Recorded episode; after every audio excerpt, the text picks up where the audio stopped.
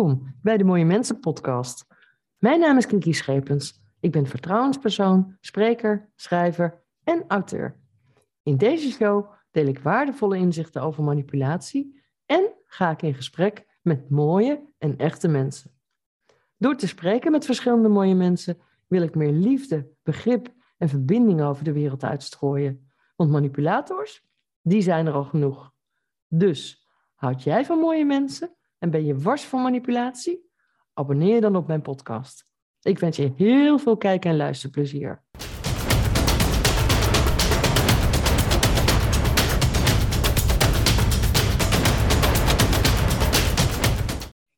Mijn gast van vandaag is denk ik met recht de gast in de Mooie Mensen podcast.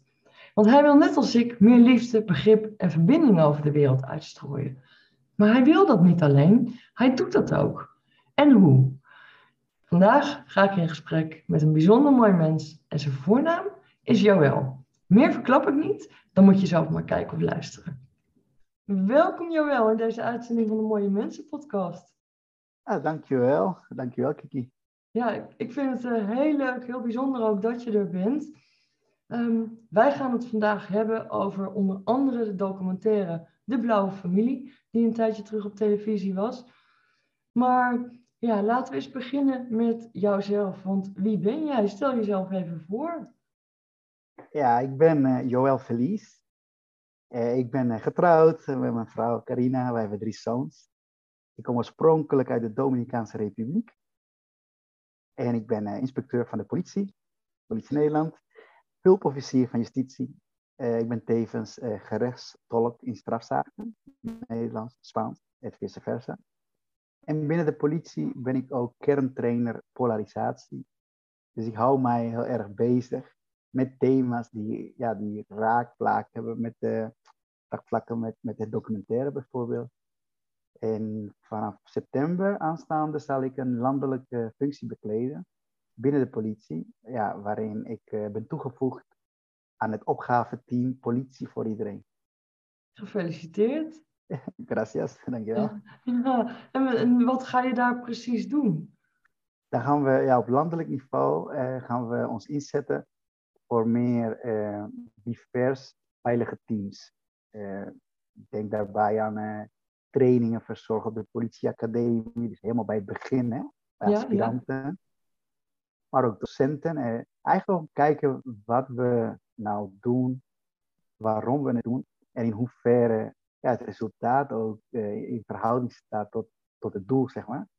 En een beetje die dingen. Maar ook op teams, eh, bestaande teams, eh dialoogsessies houden, tools geven voor, voor veilige, inclusieve teams. Ja, supergoed. En lagen die plannen er al of zijn die verder ontwikkeld na het, het uitkomen of het produceren van de documentaire De Blauwe Familie? Die plannen die liggen er al een hele tijd. Er wordt ook veel eh, gedaan. Alleen wij zijn allemaal, zowel de politie als de samenleving, ja, niet tevreden met de resultaten. Nee. Eh, dus ja, weet je, het is ook eh, tijd om, om, om te kijken hoe het anders kan.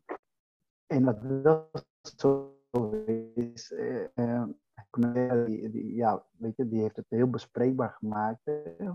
in heel Nederland zo'n beetje. Dan is het wel een mooie, ja, mooie kans. Dit is echt het momentum om te zeggen, dit vinden wij met z'n allen niet goed. Wat we tot nu toe hebben gedaan, heeft ons niet gebracht wat we wilden. Dan moeten we wat anders doen. Ja, Dus zeker. het heeft een beetje aangescherpt, zeg maar. Nou ja, dat was ook de reden dat ik ehm, eigenlijk ook dit gesprek met jou mede wilde aangaan. Want ik vind het altijd, als er iets ergs gebeurt in Nederland of er is iets op tv, dan lijkt het wel alsof heel Nederland, ja, nou lijkt, heel Nederland vindt het dan verschrikkelijk. Drie dagen later gebeurt er weer iets anders. En dan lijkt het wel of dingen vergeten worden. Mhm. En, Ja, zeker. Ja, ja, Dat, dat geldt ook hiervoor, klopt wat je zegt. Nou ja, voor veel mensen, ik zal niet zeggen voor iedereen, maar als ik voor mezelf spreek, je wel. Ehm, iedereen zegt ook, ja, ik ben geraakt, ik was zwaar geraakt. Nou, ik was zelf echt helemaal overstuur nadat ik de Mhm. documentaire gezien had. Het, het Ja. raakte me echt tot in de kern. En vandaar ook dat ik dacht van, ja, met wie uit mijn netwerk zou ik er nou eens verder over kunnen spreken? En toen kwam jouw naam naar boven. Ehm, want ja, in, in, in hoeverre Nou ja, laat ik beginnen met de vraag: hoe lang ben je al werkzaam voor de politie? Ja, uh, al uh, 15 jaar. Alleen, weet je, ik, ik, ik, ben niet werkzaam bij de politie. Ik ben de politie. Ik, uh, waarom zeg ik dit? Um, het is niet zo dat wanneer ik mijn uniform uittrek, ik dan ineens Joël de niet-politieman ben nee. of zo. En daar komt bij, weet je, daar komt ook bij dat uh, altijd namens de politie bezig. Hè? Ik ben in mijn vrije tijd niet altijd namens de politie in gesprek, bijvoorbeeld ook niet. Ik ben hier als Joël, alleen ik ben politieman. Dat betekent dat de politie wel altijd namens mij optreedt ja. en praat en noem maar op. Dus nogmaals, ik ben de politie. 15 jaar ongeveer nu.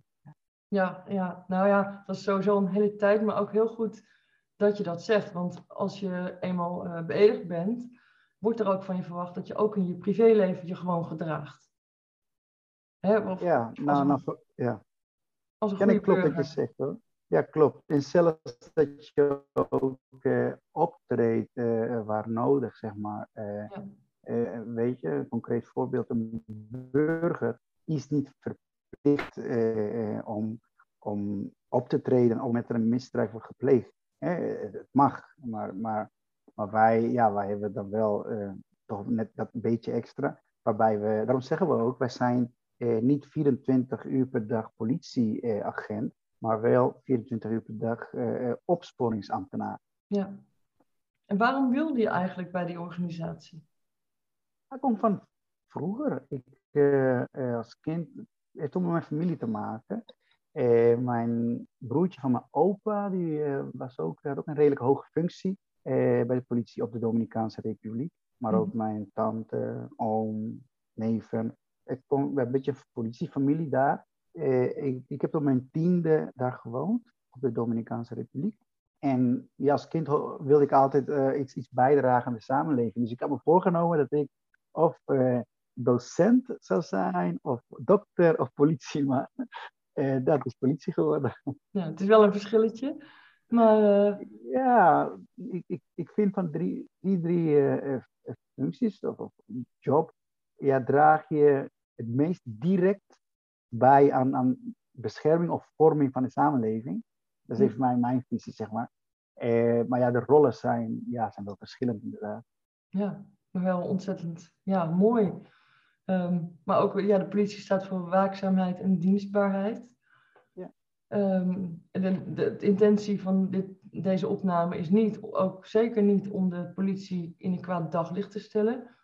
Alleen, ik vraag me wel af, hè, het is natuurlijk een hele grote organisatie, dus ik, ik, ik ga er als burger vanuit dat over het algemeen gewoon goede, bekwame mensen werken. Maar na het zien van die documentaire, dan denk je toch wel van ja, er zitten toch wel een aantal rotte appels tussen. En dat baart mij wel ontzettend zorgen. Ja, dat klopt. Eh, dat heb je heel goed gezegd. Zo is het ook. We hebben gelukkig uh, is de meerderheid uh, gewoon goed. anders, ja. anders functioneert het ook niet. en ik, zeker ik als Nederlander met een donkere huidskleur, ja, ik ga toch niet werken in een organisatie waar die gewoon echt racistisch is. Ik, ik heb wel dingen meegemaakt en zo. Maar als ik de overtuiging had van uh, wij zijn een racistische organisatie. Ja. Nee, dan was ik al weg. Nee, dan blijf je niet. Uh, Maar zoals in, de, zoals in de samenleving of bij andere organisaties en bedrijven, loopt er wel van alles uh, rond binnen de politie. En zeker ook een aantal rotte appels. Ja. ja, maar het is wel, ik vind het wel ook verschrikkelijk dat het zover heeft moeten komen. want ja, voor de mensen die de documentaire niet gezien hebben, als je al op voorhand hoort hè, dat klokkenluiders uh, niet in de uitzending durven te verschijnen. Um, omdat ze zich onveilig voelen, terwijl iedereen in Nederland heeft gewoon recht op een veilige werkplek.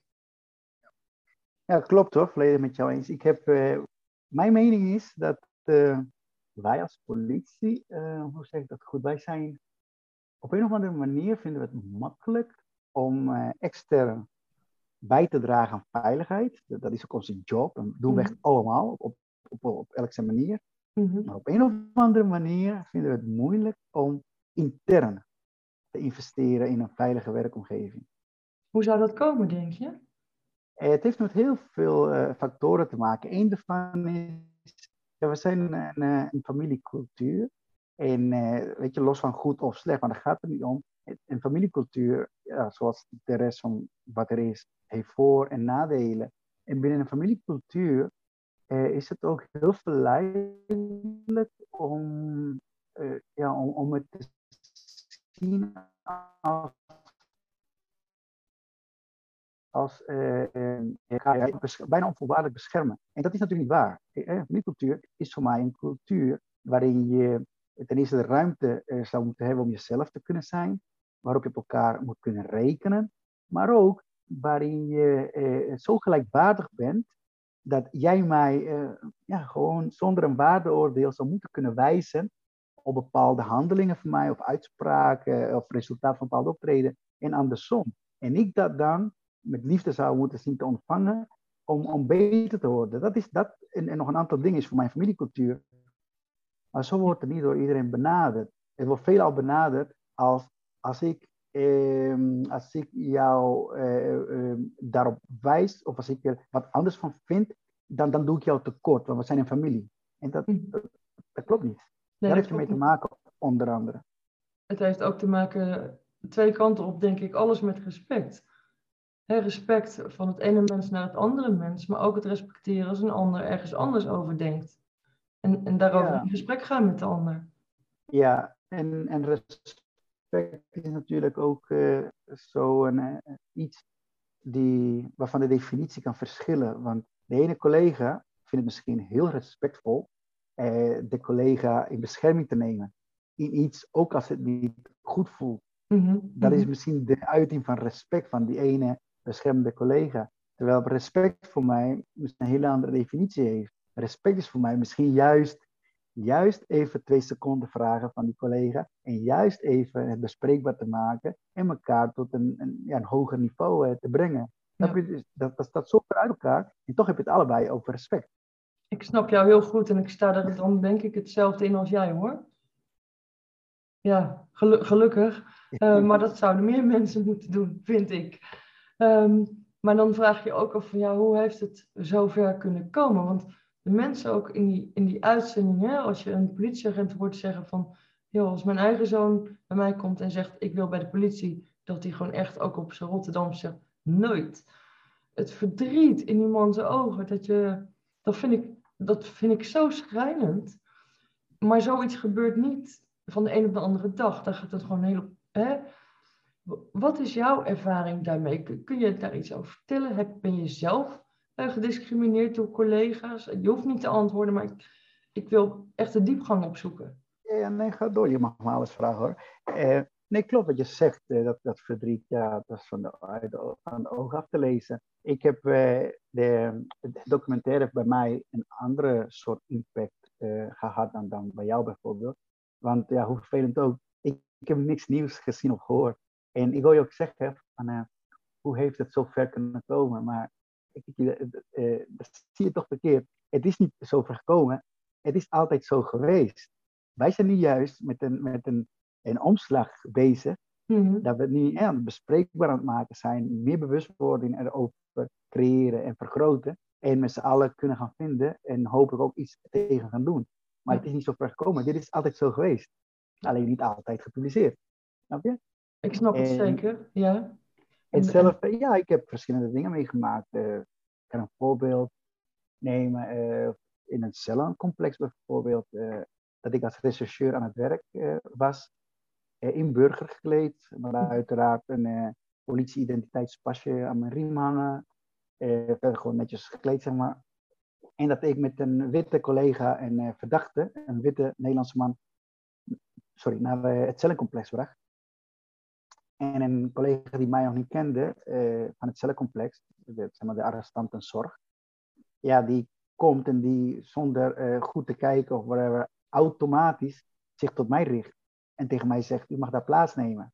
Zo. En dat deed ik dan ook. Ik, ik dacht, nou, mijn collega zou wel iets moeten hebben wat achter mij staat of zo, weet je. Dus ik mag even plaats. En, uh, en toen was van, nou, we komen zo bij u. En toen realiseerde ik mij dat die collega mij dus als de verdachte of voor de verdachte aanzag. Dat is wel erg. Ja, dat is hartstikke erg, maar dat is dat, toch het automatische onbewust handelen wat veel, uh, veel politiemensen doen. Wat ook heel snel gaat, hè? Ja, maar heb je daar achteraf nog met hem over gesproken? Want ik, als het mij zou gebeuren, ik zou, ik zou mijn oren achter mijn kop schamen. Ja, klopt. Alleen omdat het niet de eerste keer was, ja, ga ik daar anders mee om. Dus het was oh ja, weer, weer een wit persoon die ervan uitgaat een zwarte man met rasta haar eh, een crimineel is. En eh, wij hebben, eh, nou, ik keek mijn collega aan, die keek me ook aan. En toen zei mijn collega ook op, hallo, hier is de verdachte die naast me staat. Nou, en zij, het was een zij trouwens, arrestantzorg. Uh, ja, nou, die, die kon wel door de grond zakken natuurlijk. Een rode kop. En, ja, en wij hebben daarna heb ik wel het gesprek gevoerd waar het erover gaat. En dan puur zo van, ja, kijk eens hoe automatisch uh, we handelen. En ja, hoe vreselijk uh, je kunt vergissen. Ehm, weet je, en, ik, noemde net ook al de, die automatische, onbewuste handelingspatroon, zeg maar. Dat doen we allemaal. Er zijn een aantal stappen. Hè. Je, je, je, hebt je waarneming, dus je kijkt ergens naar. En dan ga je dus beeld vormen. Daarover ga je een oordeel vellen. En dan besluit je wat te doen. Ja. En treed je ja, dat is, dat is de mens. Dat doen wij in een fractie van een seconde. En wij hebben zo'n campagne binnen uh, Politie voor Iedereen. Uh, die heet Mag ik per seconde van je? En die kan je op zoveel toepassen, maar ook hierin, in ons handelen. Ben je op straat, natuurlijk uitzondering dagen later, maar over het algemeen heb je zo'n beetje bij elke situatie, als politie, man, vrouw, echt wel even twee seconden de tijd. Kijk eens, wat, wat is het verhaal? Weet je wel? Waar, kijk, wat zie ik nou? Dus wat is mijn waarneming? En door die twee seconden te nemen, Kiki, geloof ik dat je dan mogelijk een andere beeld zult vormen dan wat je automatisch zou hebben gedaan. En omdat, hè, omdat je een andere beeld vormt, ga je dus ook een andere oordeel vellen. En daardoor zal jouw besluit een ander zijn. En ook het optreden. En automatisch dan ook het effect. Ja. ja, maar ik denk ook het luisteren naar elkaar, even het moment van rust, elkaar in de ogen kijken. Ehm, want ja, bedoel, het maakt mij helemaal niet uit wat voor huidskleur iemand heeft. Er staat gewoon een mens voor je. Ga daar respectvol mee om. Weet je, ja. Ja, klopt. klopt. En, en bewust zijn van onze uh, vooroordelen. Wij hebben allemaal vooroordelen. Dat, dat maakt ons ook mensen. En dat helpt ons, ons ook beschermen. Hè? Want dat is wel de, de sensor, zeg maar, wat ons zegt: hey, daar niet doorlopen, want dat is mogelijk onveilig. Dus je vooroordelen moet je ook niet. Uh, ik hoor mensen wel eens roepen: ik ben onbevooroordeeld, ik zie een kleur. Nee, dat, dat, alsjeblieft, je bent, wees bewust van je oordeel, van je vooroordeel, want je hebt het ook nodig. Snap je? Maar waar het om gaat is, jij moet snappen dat jouw vooroordelen, Kiki, eh, anders zijn gevormd dan die van mij. Vanuit mhm. een andere omgeving, hè, vanuit andere ervaringen. En noem maar op, om te beginnen. Jij bent vrouw, ik ben man, jij bent wit, ik ben donker, jij bent hier geboren, ik daar en ga zomaar door. En als we dat weten, dan krijg je dat je eh, eh, op het moment dat je die automatische impact voelt, nog even stilstaan van, oké, wacht even. Dit heeft ook te maken met hoe ik ben gevormd. En daar zijn we niet schuldig aan. Dat blijf ik mijn collega's zeggen. Wij zijn niet schuldig aan hoe wij zijn gevormd. Maar wij zijn verantwoordelijk voor hoe wij handelen. En dat zijn twee, ja, twee verschillende dingen. Ja, maar dat zeg je heel mooi. je bent uh, dat mensen oordelen, maar er zit een verschil tussen oordelen en veroordelen. En vooral dat laatste, ja, daar vind ik moet je altijd zoveel mogelijk van wegblijven. Ja. Ja, ik zeg altijd, het is alleen aan rechters voorbehouden om te oordelen, weet je. Dat, mhm. ja. ja, en het, kan, uh, en het kan helpen dus wanneer je bewust bent van, van je eigen vooroordelen. Maar vooral dat je ja, het gewoon accepteert. Dat je accepteert dat je als mens vooroordelen hebt. Dat is wat jou ook heeft gebracht waar jij bent. Want daardoor heb jij die ene afslag wel of niet genomen. Daarom ben je wel langer in een bepaalde relatie gebleven of niet en ga zomaar door. Weet je, die twee seconden campagne um, is ook toe te passen wat jij net zei. Het is ook die twee seconden waarop je een collega de tijd biedt om zijn verhaal te doen, of haar verhaal. Ja. dat is het moment waarop je een collega confronteert met een uitspraak of een, of een, een handeling of met een bepaald resultaat. Uh, ik vind het echt een hele mooie titel. Mag ik twee seconden van je? Ja, zeker heel, heel, heel slim bedacht. Maar ook, ik denk ook niet alleen uh, binnen de politieorganisatie toepasbaar, maar eigenlijk op heel veel situaties. Ja, ook privé, ook, privé ook in je relatie. Het is, het is, echt even, even twee seconden kijken naar, niet zozeer van, het is niet wat, wat heb ik gezien, maar meer wat is het verhaal. Ja, Ja, en dan weet ik ook wel, iedereen kan het op zijn vingers natellen dat twee seconden iets langer duurt dan twee seconden, maar het is gewoon heel pakkend. Je trekt daarmee gelijk de aandacht van iemand. Klopt. En het maakt dat je dus eh, dat automatische handelingspatroon kunt doorbreken. Ja.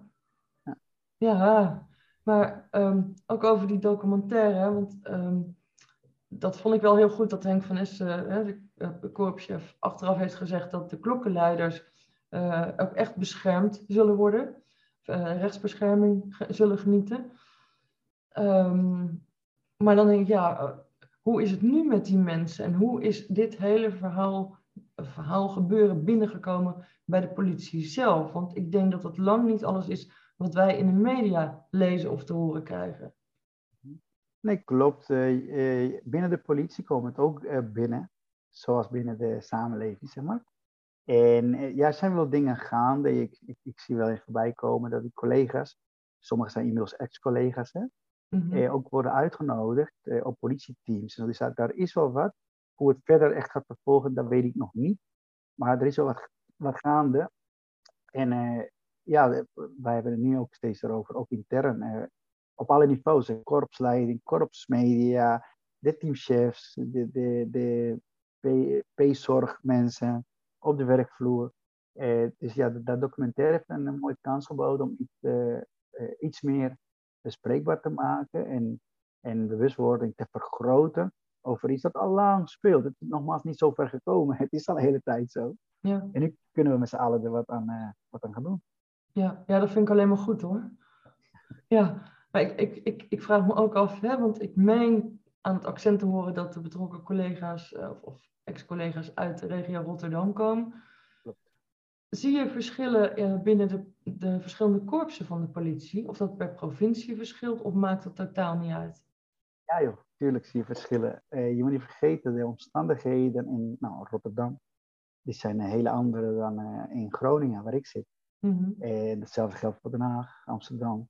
Uh, weet je wel, een aantal factoren uh, maken dat, dat iets is zoals het is. Hè? Het moment, de, de plaats, tijdstip, de betrokkenen. Mm -hmm. je? Want heb je, je kunt ook een situatie in uh, Rotterdam hebben. en alle betrokkenen zijn Groningers bijvoorbeeld. Mm -hmm. Dan is de kans heel groot dat de situatie totaal anders verloopt dan dezelfde situatie met, met betrokken Rotterdammers. Ja. Dus het antwoord is ja, er zijn zeker verschillen per, wij zijn ingedeeld. In, je hebt eenheid Noord-Nederland bijvoorbeeld. Mhm. Noord-Nederland uh, zijn Friesland, Groningen, Drenthe. Nou, dat is een beetje vergelijkbaar. Maar zelfs daarin zul je wel verschillen hebben.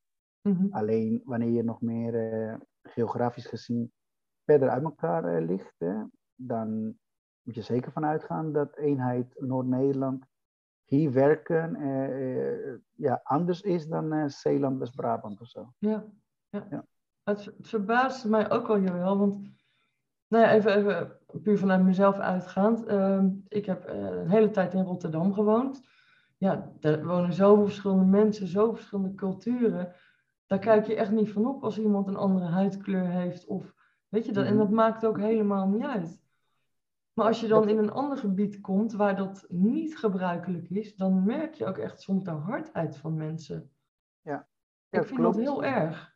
Ja, is ook. En dat verschil heb je uiteraard hier in uh, Noord-Nederland. Uh, de meeste collega's zijn uh, wit collega's, echt heel veel. Mm -hmm. in, in de andere korpsen ziet het een beetje anders uit. Ook logisch, want de omgeving is ook anders. Maar het staat zeker niet in verhouding tot, want die wonen ook genoeg Nederlanders met een donkere huidskleur. Mm -hmm. Maar nou ja, als je op, op de Team C kijkt, zijn meisjes zoals jij en Jantjes en Pietjes. Dank je, ik ben 50.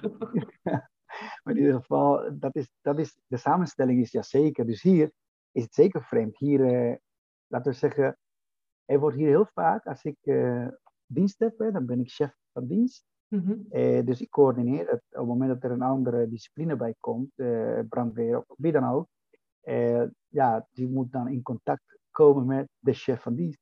Mm -hmm. Nou, 9 van de 10 keer eh, gaat zo'n discipline, zo'n discipline mij letterlijk er voorbij. Ik word gegroet, soms, soms niet eens gegroet. Ik groet terug. En ze gaan door naar uh, mijn witte collega's. Hm? We, zijn op zoek, ja, we zijn op zoek naar de chef. En dan is de collega die zegt, oh, ik moet Joel hebben, die staat daar zo. En dan komen ze terug. Goedenavond, en dan gaan we verder. Uh, dus uh, um, weet je, zonder enige intentie. Is, het is hier zo bijzonder nog dat de hulpofficier van justitie een donkere man is met rastahaar. Dat ook die disciplines en zelfs collega's van andere afdelingen ja, er automatisch van uitgaan dat die man die daar staat het niet is of niet kan zijn of whatever. En ik denk dat in Amsterdam of Rotterdam, Den Haag, grotere steden, eh, ik denk dat daar eh, men er wel meer rekening mee houdt dat ik ook de chef kan zijn. Maar hier eh, nog niet, hè? Nog steeds niet. Nee, maar het is toch, ik vind het echt shocking. Want ik denk van, je bent gewoon een goed mens. Je probeert goed te doen. Iets wat je zegt. Je hebt altijd al iets bij willen dragen in de maatschappij. En dan is dat toch hoe mensen op je reageren. Dat vind ik gewoon heel erg. Ja, dat moeten mogen. Ja, snap ik. Uh, alleen uh, snap ik, ik, ik, ik, snap dat ook. Ik heb er geen begrip voor, want ik keur het ook af.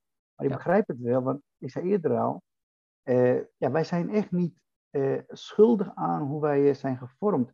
Al deze collega's zijn allemaal witte mannen en vrouwen, die van kinds af aan, thuis, buiten, op school, op tv, via de radio, zo zijn gevormd dat de mensen die erover gaan, witte mensen zijn. Zo ben, je, zo, zo ben ik ook gevormd. Wij kijken naar dezelfde televisie hoor. Dus wij mhm. zien allebei de, de reclames voorbij komen. Nu zijn we, zijn we wat aan het veranderen gelukkig. Maar wij zien allebei afgelopen jaren de reclames voorbij komen waarin een meisje, een wit meisje, achter een speelgoed aanrecht staat en een keuken en een stofzuiger en weet ik veel. En een wit jongetje op een stoere auto en een voetbal, noem maar op. Dus mhm. daar beginnen we al met, met selecteren.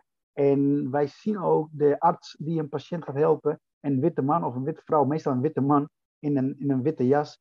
En soms is de, de patiënt dan donker. En dus deze mensen waar ik het over heb, die doen iets heel natuurlijks. Die doen precies wat zij geleerd hebben. En die komen op een plek waarin het, gezien hoe wij gevormd zijn, ook heel raar zou zijn dat de chef, of vooral die witte mensen daar zo, een donkere man is.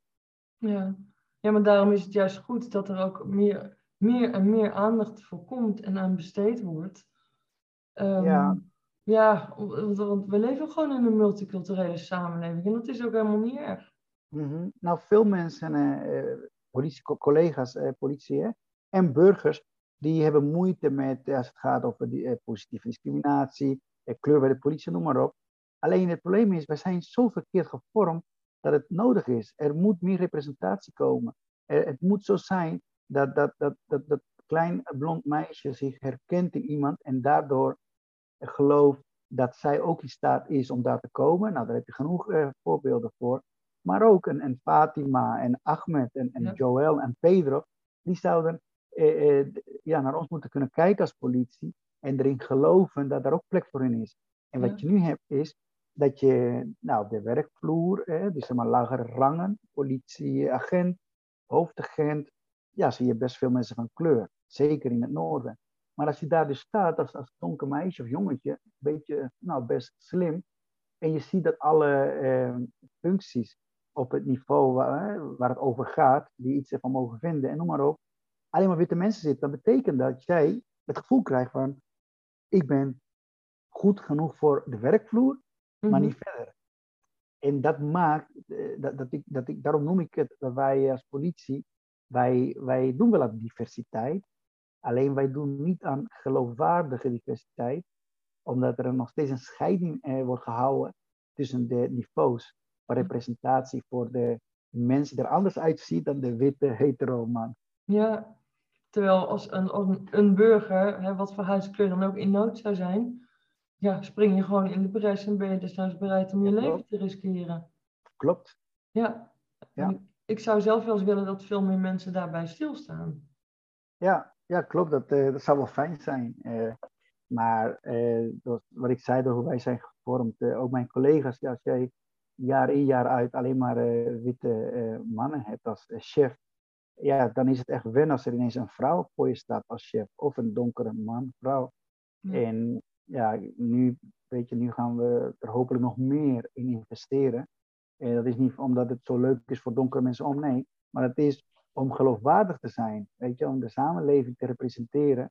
En, en, en daarbuiten nogmaals ja, geloofwaardig over te komen. En niet zoals nu vaak wordt gezien. Hè. Wij hebben het erover en wij uh, halen veel mensen van kleur binnen.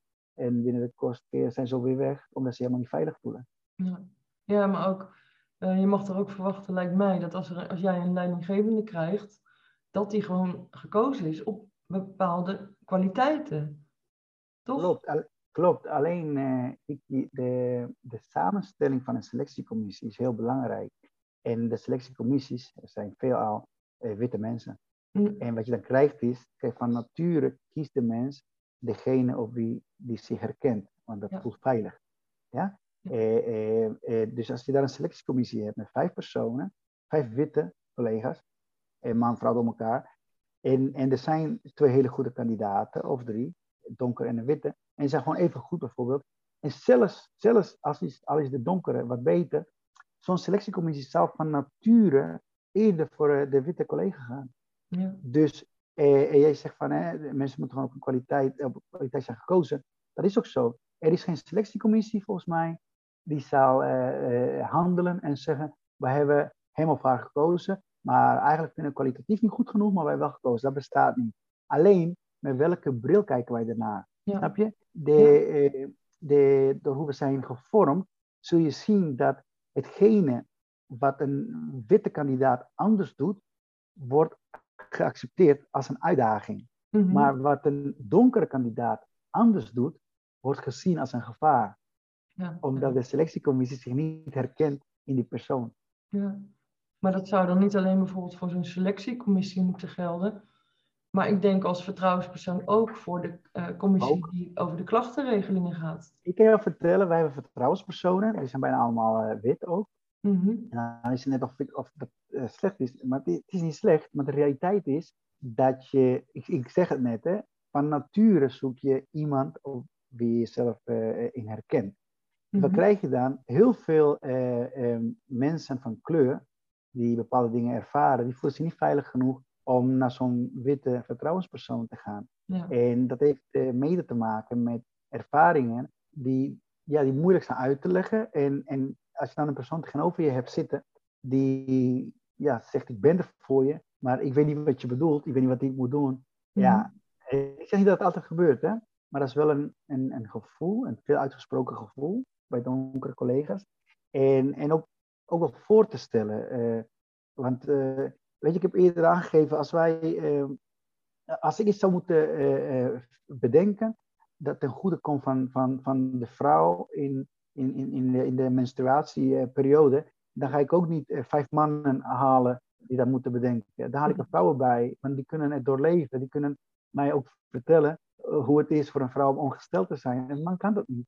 Weet je? eh, datzelfde, ja toch? Dus datzelfde geldt ook voor eh, discriminatie en racisme. Hoe, hoe, wil, hoe wil jij, ondanks al jouw kwaliteiten, maar hoe wil jij als je nooit racistisch bent bejegend of gediscrimineerd om je uiterlijk en afkomst, hoe wil jij dan de pijn begrijpen die ik voel wanneer ik het ervaar. Dat is onmenselijk. Ja, nou ja, mensen met een groot empathisch vermogen, die zullen dat ongetwijfeld beter kunnen dan andere mensen, maar het is wel lastig. Je kan niet Uh, weet je, pijn is iets waarvan ik geloof dat je het uh, kunt uh, begrijpen als je het hebt ervaren of als het met jou is gedeeld door iemand die het ervaren heeft. Dus vanaf dat moment kun je die pijn maar dat is dat, die pijn, weet je wel. En mhm. elke situatie is er één op zich. En, en zeg ik hiermee dat een wit persoon niet in staat is om vertrouwenspersoon te zijn? Nee, dat zeg ik niet. Maar ik zeg wel dat we moeten kijken naar, naar, naar de noodzaak en, en naar het vermogen. En, en dat gewoon toepassen waar nodig. Snap je? En, en zoals wij, ja, zoals ik heel makkelijk en iedereen het met mij eens is, als ik over de portofoon roep, uh, meldkamer, ik zit in de auto en uh, het brommertje rijdt bij mij weg, graag een motorrijder uh, die in de buurt is, meehelpen. Wordt meteen een motorrijder aangeroepen en die komt ook. En iedereen begrijpt dat. Mhm. Maar op het moment dat ik zeg, ik heb hier te maken met een, eh, met een burger, en die burger spreekt geen Nederlands, ook geen Engels, het klinkt als Arabisch. nou, ik wil graag een, een collega, Arabisch sprekende collega hebben. Voor, wordt nu steeds ook meer geaccepteerd. Maar ik heb tijden gekend waarop eh, collega's eh, eh, het bijvoorbeeld niet deden. En dan vroeg ik waarom vroeg je dan niet om een collega die de taal spreekt? En, dan was een reactie van, van maar hoezo dan? Ik, ik doe mijn werk goed genoeg? Ja. Snap je? Dus er is op een of andere manier hebben wij de acceptatie voor een motorrijder in een situatie waarin het met de auto niet handig is om te doen. Is van een andere kwaliteit, zeg maar. Mhm. Maar hebben we de moeite mee op het moment dat het gaat om je kwetsbaar op te stellen als persoon. Niet, Ja. niet als middel, hè. hè. Mijn auto is niet handig, ik kom niet langs die paaltjes, dat is een middel. Maar om ons als persoon kwetsbaar op te stellen en gewoon te accepteren dat ik heel veel dingen kan, maar waar, wat nu gevraagd wordt, net even niet. En iemand anders dat misschien wel kan. Ja. Dus dat, ja, dat speelt allemaal een rol. Ja, zeker. Maar ik vroeg me, ik even terugkomend op wat je ook net zei over pijn. Hè? Ik geloof zeker wat je zegt over pijn, daar sluit ik me bij aan. Maar ik geloof ook dat het heel belangrijk is dat als je pijn hebt, dat je die daadwerkelijk doorleeft en doorvoelt om er iets mee te kunnen doen. Ja. En dat, dat gebeurt naar mijn idee ook nog te weinig, waardoor er te veel onbegrip en te veel ja. Ja. exclusie ontstaat in plaats van juist het Ja, maar dat is het. Ja, maar dat, dat, dat is het. Wat je zegt, ja, klopt eh, helemaal.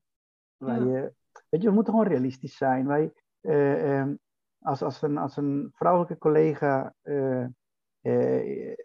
er doorheen zit en, en, en ja, wil praten en ondersteuning in verband met, met bepaalde bejegening en seksuele intimidatie en noem maar op door, door mannen in het team, dan, dan wat let ons om gewoon te accepteren dat het misschien heel handig is dat een vrouw, deze vrouw, eh, die ondersteuning biedt en niet een andere man. Ja. Dat, dat is toch niet zo moeilijk gedacht?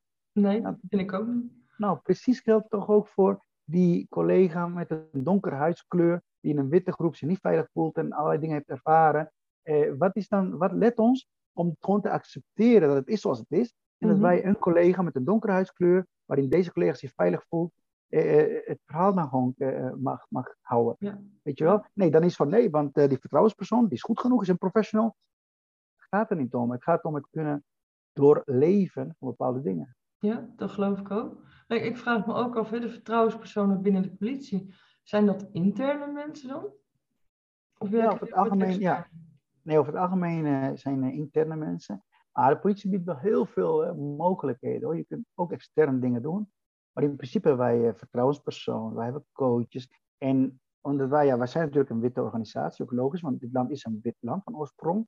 Eh, maar om, om de dingen die wij net besproken hebben, hoe het samengesteld ooit is, sinds 1970, eh, eh, witte hetero mannen eh, aan de macht daar zijn, ja, heeft dat, is, heeft dat zich zo gevormd dat bepaalde mensen ook uiteindelijk doorkomen als vertrouwenspersoon. Maar Ja. eigenlijk zou je op elke basiseenheid, of, of elke, eh, eh, eh, eh, elke eenheid aan zich, dus of Noord-Nederland, eh, Zeeland, West-Brabant, Rotterdam, Haaglanden, elke eenheid zou echt een divers club moeten hebben aan vertrouwenspersonen. Ja, En dat is niet altijd denk ik. En, en misschien ook extern, misschien zelfs ja, beter extern, maar in ieder geval begin allemaal al, al met, met, met het divers maken van. Van die drempel die heel veel eh, eh, jonge eh, vrouwen van kleur of mannen van kleur binnen de politie eh, eh, voelen. Om hun verhaal niet te kunnen doen bij een, eh, bij een persoon waarin zij zich niet herkennen. Ja, die drempel die neem je alleen maar weg wanneer je dus faciliteert, wanneer je wat anders biedt. Ja, En dat dat is te weinig. Ja. Ja, ja, absoluut. absoluut. En, en de documentaire zelf, Joël, was jij daar ook achter de schermen bij betrokken?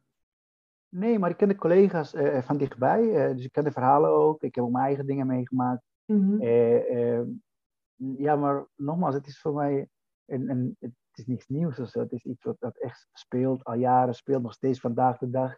Heel veel hebben we verhaal ook niet gedaan. Eh, ik heb ook genoeg te melden. Ik, nou, ik was er ook niet bij, ik was er ook niet benaderd verder, maar er zijn ook een aantal die het niet durven. Eh, nee, dit, dit, dit gaat zo ver. Eh, eh, weet je, er zijn zoveel eh, vormen van uits- uitsluiting. Ja. de po- ja, dat is ook erg. Zoveel vormen van uitsluiting binnen de politie, eh, waar we gewoon iets mee moeten als organisatie. Ja, maar bovendien sowieso, het, is een overheidsorganisatie.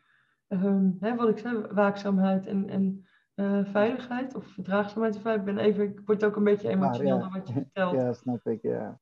Maar ehm, ik vind het sowieso ook heel mooi dat je, ondanks dat je dingen zelf hebt ervaren en meegemaakt, dat je daar nu voor in gaat zetten om die verandering teweeg te brengen. ja, maar het is ook nodig, hè, Kiki. Eh, Ja. Wij eh, en ook mijn witte collega's moeten veel meer erin doen. Ik heb laatst heb ik aangegeven dat wij ehm, moeten stappen zien te maken. We moeten de stap maken van. Kijk, ik heb heel veel collega's die niet racistisch zijn. Echt 100%. Gelukkig. Eh, ja, en ook binnen mijn omgeving en zo. Maar weet je, voor, voor dit probleem, want dit is niet een probleem van, van donkere politiemensen. Het is een probleem van de politie als organisatie. En wij moeten de stap maken, vind ik, van niet racistisch naar anti-racistisch of anti-racisme. Oftewel actief en, en, en zelfs proactief ermee bezig. Want wat is niet racistisch? Kijk, niet racistisch is mijn collega die heel bewust eh, probeert te handelen en heel goed rekening houdt met een ieder en probeert mensen niet uit te sluiten, probeert geen eh, racistische grapjes te vertellen en noem maar op. Een collega die dat allemaal doet, die is niet racistisch. Dat is hartstikke passief. En ik vind het heel erg dat het anderen overkomt. Mhm. Maar daar heb ik heel weinig aan. Waar ik echt wat aan heb, is dat die collega van niet racistisch overstapt naar anti, naar tegen racisme of, of tegen racistisch gedrag. En wanneer doe je dat? Wat is het verschil dan? In plaats van alleen zelf niet racistisch te zijn, ga je er dus wat van zeggen wanneer je het hoort en wat tegen doen wanneer je het ziet. En als wij dat doen, ja, dan komen we veel verder. En dat doe ik dus. Ik ben niet, niet racistisch, ja, ben ik ook, ik ben niet racistisch, maar ik ben gewoon anti, ik ben tegen racisme. Ja, ik ook. Daarom zet ik mij daarvoor in. Ja. Ja, maar het is alleen maar hartstikke mooi. Maar ik denk dat het ook belangrijk is voor, voor collega's, die nou niet gewoon voor heel de maatschappij, om gewoon eens vaker te vragen van, joh, waar heb jij behoefte aan? En echt te luisteren naar de ander. Ja, ja maar vooral wat, wat te zeggen. Ik noem het uh, uh, vaker, uh, minder vaak een aapje doen. Je, hebt toch die drie aapjes van horen, zien en zwijgen. Ja. Sluit je oren, sluit je ogen in je mond. En, en, dat doen we allemaal, ook ik. Hè. Er zijn, ook jij, ik weet zeker dat jij wel in situaties hebt meegemaakt. Of opmerkingen hebt gehoord waarvan je denkt, oh, god, dat kan toch niet. Maar je doet er verder niks aan. Je zegt er niks over. Die momenten zijn er. Ik heb ze ook meegemaakt. Kan ook niet altijd. Maar dat is dat aapje. En als we in ieder geval zeggen met elkaar, weet je, we gaan nu vanaf nu, echt direct vanaf vandaag, ook jij en ik, minder vaak dat aapje doen. Af en toe moet het wel, maar minder vaak dat aapje doen. Stel even van, hé, hey, ik zie dat je, ik hoor dat je, wat bedoel je daarmee? Ja. Waarom doe je dat? Gewoon vragen stellen, weet je wel? Ja, Als wij minder vaak dat aapje doen, Kiki, komen we ook een stuk verder. Dat ben ik helemaal met je eens. Maar ook door gewoon wat meer. Ja, iedereen heeft het tegenwoordig druk. Ik heb het ook druk hoor. Maar dat wanneer het er echt om gaat, of, of gewoon eens uit belangstelling, nou ja, dat je gewoon zegt: heb je twee seconden voor me? Ja, klopt. Ja, het meer Ja. luisteren.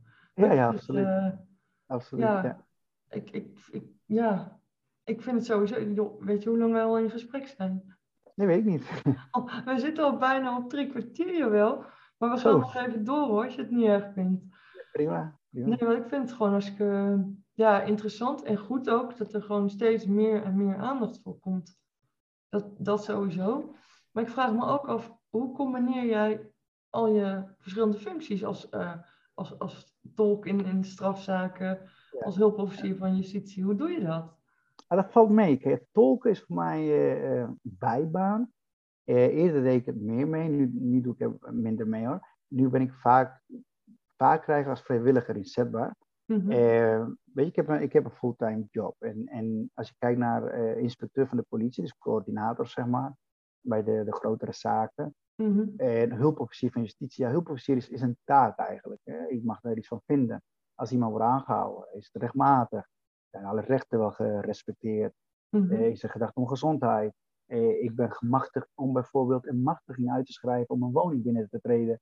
Dus het is een bepaalde rol bij jouw functie. Dus dat valt me Mhm. mee. Gerechtstolk, eh, eerder eh, had ik één vrije dag in de week. heb ik nog steeds een maandag. Eigenlijk voor tolken. Als de rechtbank mij nodig had, dan ging ik daar gewoon als Joël de Tolk, weet je wel. Of het COA, of ga zo maar door. Maar inmiddels eh, heb ik gemerkt dat er best wel veel mensen zijn, eh, Nederlanders met een Latijns-Amerikaanse achtergrond, of veel Mhm. Spaanstaligen. Ehm, vaak in, in een kwetsbare positie, eh, eh, financieel eh, ook niet zo sterk. En ja, een tolk, dat, dat- als tolk verdient het best wel goed qua geld.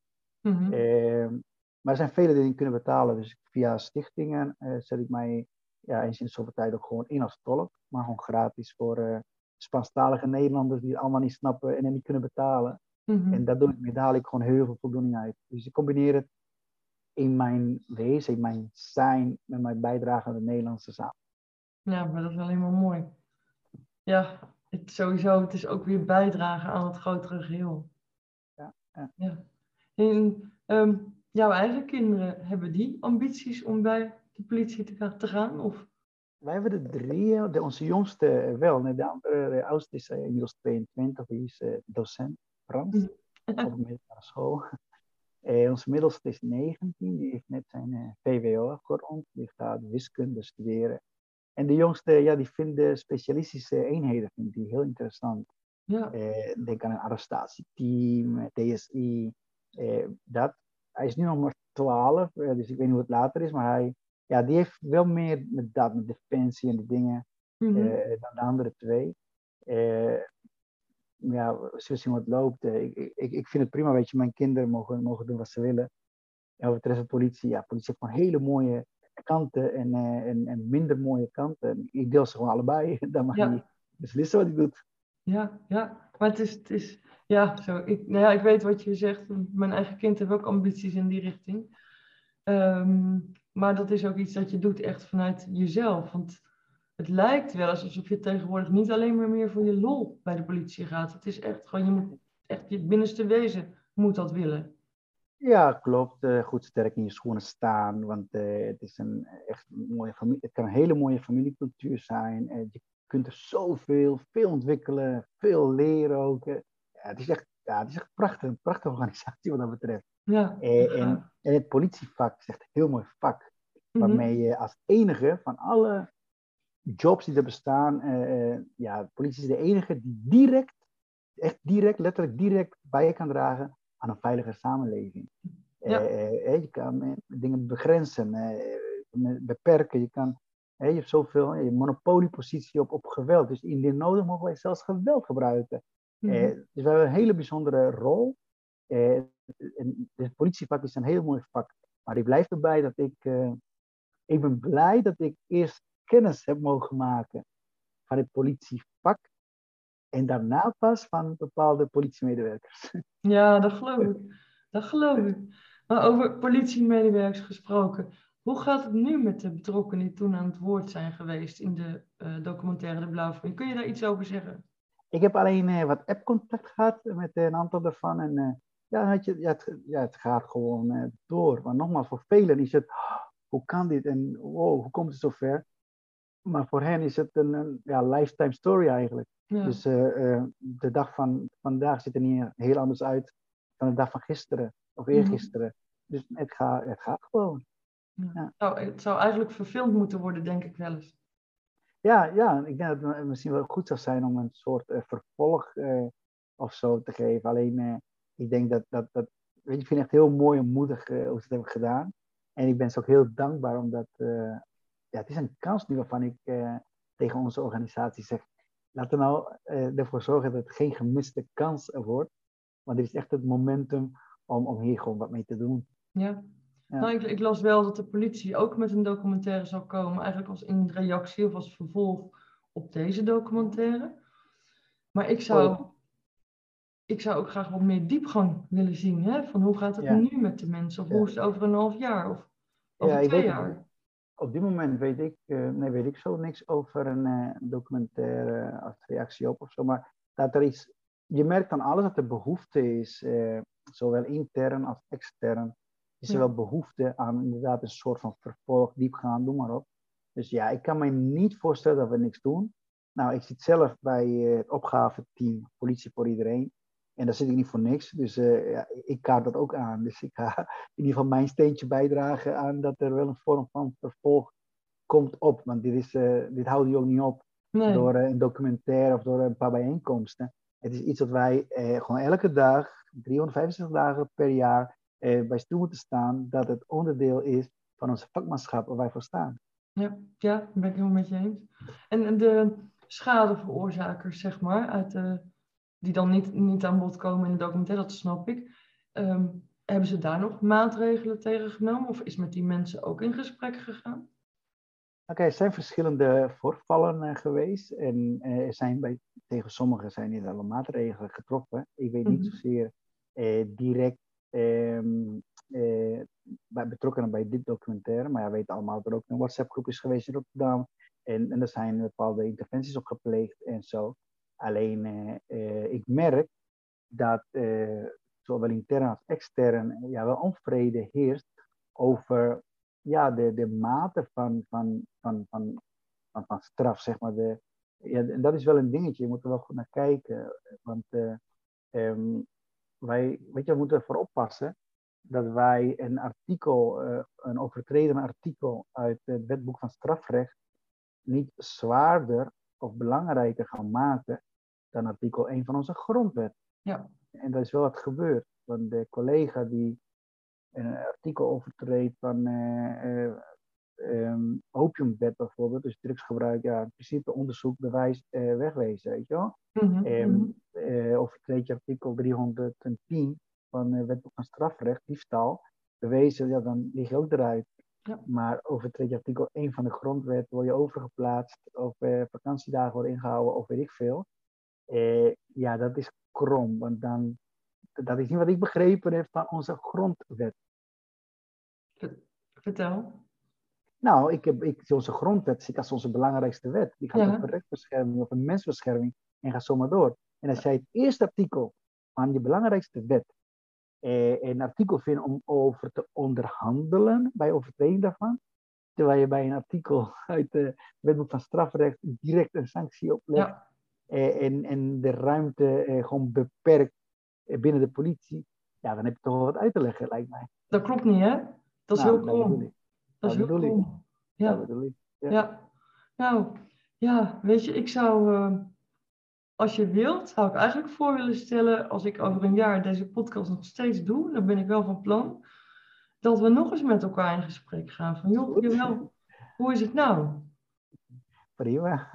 Ja, nou, ik vind het gewoon belangrijk om, wat jij zegt, hè, we moeten erover met elkaar in gesprek blijven.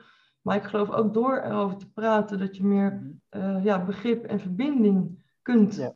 krijgen. Ja, dat je daar aan bij kunt dragen. Daar geloof ik echt in. Nee, is ook zo. Altijd bespreekbaar maken. Blijf eh, in gesprek. Weet je wat, wat heel goed is, heel belangrijk is, eh, Kiki? Maak het bespreekbaar en dan proberen weg te blijven bij een waardeoordeel. Ja. Daar heb je helemaal niks aan. Nee. Weet je, jij, jij hoeft van mij niet te horen, eh, Kiki, ik vind het heel fout hoe jij dat hebt gedaan. En je hebt er wel wat aan. Ik zeg, Kiki, ik zag dat jij dat deed.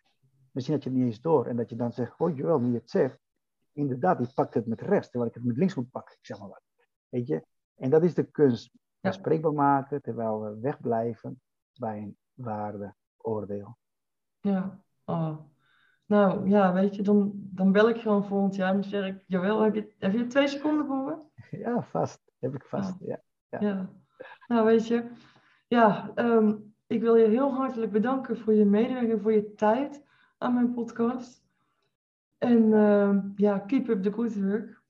Ja, ja, jij ook bedankt dat je mij hebt eh, uitgenodigd. Ik hoop dat, eh, dat onze boodschap eh, verder komt. Weet je? Dat meer mensen die vanuit een eigen referentiekader eh, misschien er niet uitkwamen of, of er totaal anders naar, naar keken dan wat voor hen goed voelt, dat hopelijk dankzij ons zij misschien in staat zijn om er ja, naar dezelfde realiteit te kijken, maar dan door een andere bril. Ja, al dragen we daar maar heel zo'n klein stukje aan bij, Joël. Dat zou mooi zijn. Zelfs de langste reis begint met één eerste stap. Zeker. En ik wens je ook heel veel succes in je nieuwe job. Dankjewel, ik ga mijn best doen. Oké, nou, tot ziens. Bedankt. Adios. Dag Joël. Bye bye. Bye. Dankjewel voor het kijken of luisteren naar de Mooie Mensen podcast. De podcast vol met mooie mensen en echte verhalen. Wil je het als eerste weten wanneer een nieuwe aflevering online staat? Laat even weten wat je ervan vond en abonneer je op mijn podcast.